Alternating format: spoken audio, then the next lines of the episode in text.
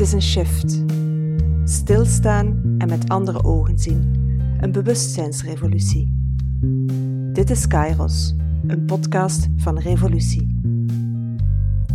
In deze vierde aflevering van Kairos ga ik op ontdekkingstocht naar hoe we naar onszelf kijken en welke rol we onszelf geven. De aanleiding hiervoor was een podcast van Inge Jansen voor Vers Beton, waarin hij met professor transitiekunde Jan Rotman spreekt over de coronacrisis. Jan heeft het daarbij over de illusie van de machteloosheid. Wij moeten met z'n allen, eigenlijk vanuit het besef dat het echt, echt urgent is, moeten wij uh, invloed op de politiek en de bedrijven uitoefenen.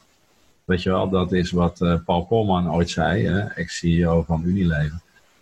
Als een groep consumenten zich verenigt en zich massaal tegen een multinational keert, dan kan het een multinational laten omvallen. Binnen een paar maanden. Dat is de macht die burgers en consumenten hebben.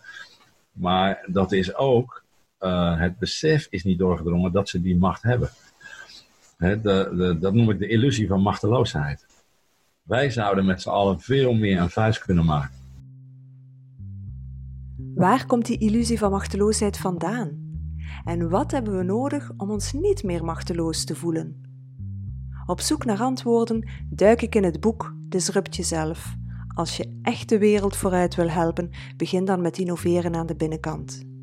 Het boek dat mijn man Misha Verheijden en ik afgelopen september hebben uitgegeven en waarin we verschillende seismografen van de tijd aan het woord laten.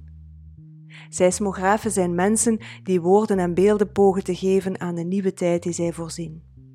Innovatiebioloog Leen Gorissen is zo'n seismograaf die we interviewden voor ons boek. En terugluisterend naar het interview ontdek ik dat zij een antwoord heeft op de illusie van machteloosheid. Ik denk dat we gewoon een beetje te veel, um, wij noemden dat vroeger de paraplu opentrekken. Um, spelen van het is altijd iemand anders die het moet oplossen. Mm Maar we zijn het zelf. Mm echt, uh, als je denkt dat, dat de politiek of de overheid het klimaat gaat redden, of het bedrijf, vergeet het. Wij, elke persoon zelf, is de oplossing. Het is zo simpel en zo eenvoudig als dat. Ook economiefilosoof Rogier de Lange die we interviewden voor Disrupt Jezelf, beaamt dat politiek en overheid niet degene zijn die de macht hebben, terwijl we dat wel nog denken, en vaak ook nog in hoop op hen wachten voor de oplossing. Ik denk dat veel mensen zouden schrikken als ze zouden weten hoe weinig macht de mensen die we denken dat de macht hebben eigenlijk nog hebben. En dat, valt me altijd op in gesprekken met dan hoge plaatsen van die weten het echt ook niet. En die zijn die, die doen ook maar gewoon een stuk nog, spelen hun rol, want het wordt ook van hen verwacht om die macht ook te projecteren. Maar, ze hebben die eigenlijk al lang niet meer. En de, er is een tijd geweest waarbij ja, de nazistaat, die, had, die was groot, die was machtig, die had, die had de monopolie op het leeg, op gewelduitoefening. Um, en die had, die had die schaal, een schaal die niemand anders had. Uh, die had die informatie, die was een soort knooppunt van informatie, die, door, het verschil in informatie kon je ook weer heel veel macht uitoefenen. Dus, uh, dus op die manier kan je al die. Kon je alle, alles wat in je land gebeurt heel goed controleren. Je kon het overzien, je kon het controleren, je kon het. Uh, je kon als het ware als een puppetmaster gewoon alle touwtjes had je in handen en jij, alleen jij had het overzicht. Um, ja, vandaag is, is, gewoon, is die staat gewoon een van de poppetjes. Ja. maar zie je, dus de, de, de machtsverhouding is al, is al gewijzigd. Ook antropoloog Rick Pinkston moedigt ons aan om niet machteloos af te wachten. Om het in zijn woorden te zeggen: mensen kunnen wel degelijk grip krijgen op hun leven als ze zich niet laten verlammen door bovenlokale processen die moeilijk controleerbaar zijn. In zijn boek Kleine Revoluties schrijft hij er dit over. Als je het gevoel hebt dat de wereld te groot en te onvatbaar is voor verandering, dan is er onderaan nog heel veel plaats. Onderaan is er veel plaats voor zoektochten en tegenmacht, voor zelfredzame acties en alternatieve levensvormen. Waar politiek en grootmachten er niet in slagen het tijd te keren, kunnen verantwoorde burgers zorgen voor verandering en een toekomst creëren. Ik denk als we dat doen, dat er echt wel wat mogelijk is. Mm en je ziet het ook gebeuren. Hè. Als het wat spannender is, zoals in Engeland, een zeer verdeeld uh, land, hè. Mhm. of in uh, Griekenland of uh, Italië of Portugal en Spanje, dan zie je dat mensen daar vrij gemakkelijk die weg vinden. Daar krijg je een enorme opbloei van coöperatieven terug. zit je in een land wat relatief gespaard gebleven is, er is wel een beetje teruggang natuurlijk, en meer werkloosheid en zo, maar het is nog niet echt fundamenteel dramatisch. Maar bij een volgende serieuze crisis zal dat natuurlijk wel zo zijn. Hè. Zoals België of Nederland of zo. Of Duitsland, dan zie je dat dat wel opkomt, die coöperatieven, maar zeer matig. Maar toch is het belangrijk denk ik, om daar al mee bezig te zijn, want ja. ik zie dit uh, economisch systeem uh, eigenlijk terug voorthollen op de weg waardoor we in de vorige put geraakt zijn. En dus kan je niet anders of niet beter dan anticiperen en, en niet uw tijd verspillen om alleen een opinie te zeggen van dit of dat, bedoel, Mhm. over een detailpunt zo. Maar proberen die weg een beetje aan u mee te helpen zo. De grootste uitdaging zit volgens Jan Rotmans in het wegnemen van angst en het opbouwen van vertrouwen. Hij schrijft daarover in zijn boek Omwenteling. Vertrouwen hebben in anderen kan alleen als je ook op jezelf durft te vertrouwen. Als je wezenlijk wilt veranderen, zoek je het niet in regels en procedures, want dan leg je het buiten jezelf neer. Wie wezenlijk wil veranderen, zoekt het in zichzelf. Wat daarbij volgens Leen Gorissen een belangrijke eerste stap is. Wel, ten eerste niet in paniek slaan. uh, maar gewoon eens even stilstaan bij het leven nu. En hetgene wat je van waarde vindt, is dat ook echt van waarde? En, en wat van waarde is, waardeer je dat ook goed. Ja. Dus ik denk, stilstaan en nadenken is het belangrijkste op dit moment om te doen. En dat is heel moeilijk, want alles gaat sneller. Uh, ja, werk wordt veel eisender. Als je op een dag 60 mails krijgt, wanneer moet je dan nog eens even nadenken van is dit nou wel van waarde? En Mhm.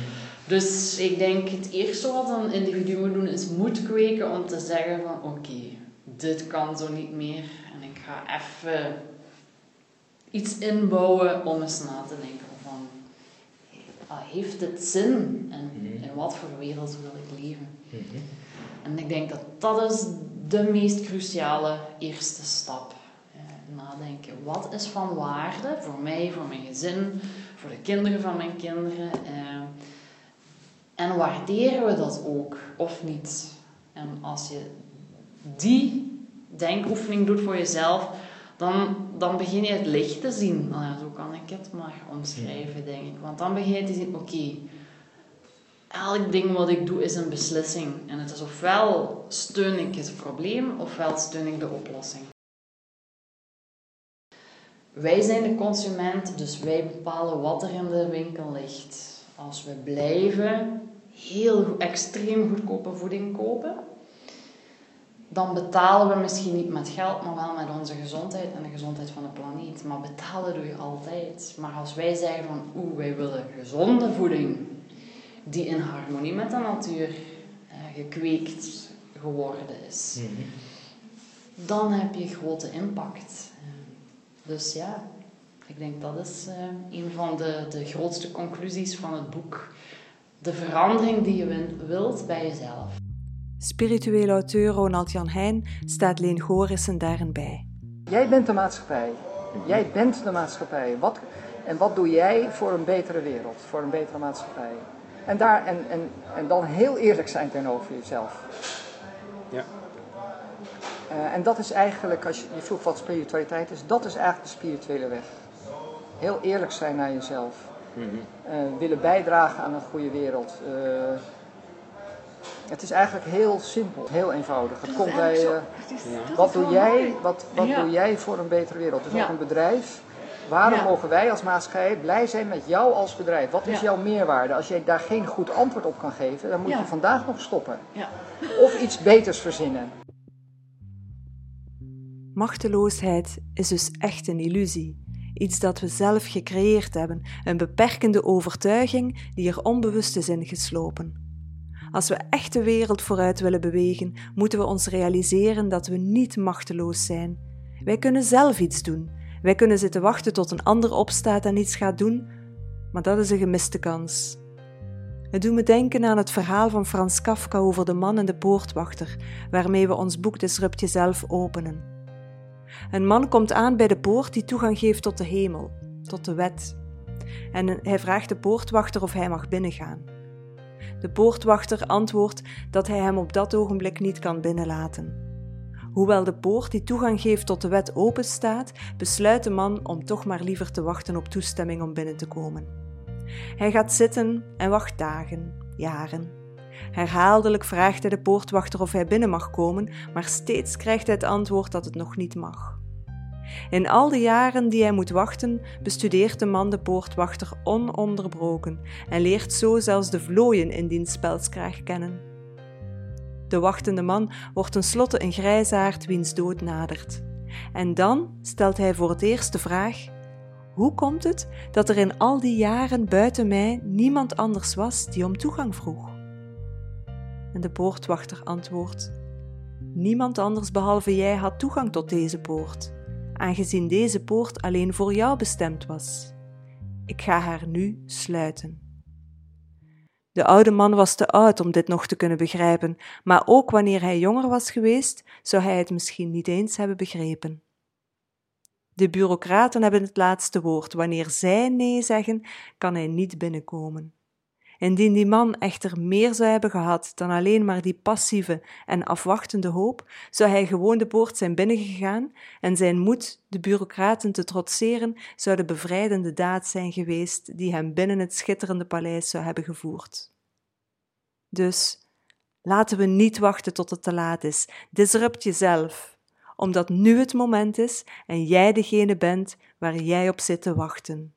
Nu is jouw tijd. Dit was Kairos, een initiatief van Revolutie, gestart door Misha Verheijden en mezelf, Elke Leijman. Meer info vind je op revolutie.be. r-evolutie.be. Deel deze podcast. Alleen samen komen we vooruit.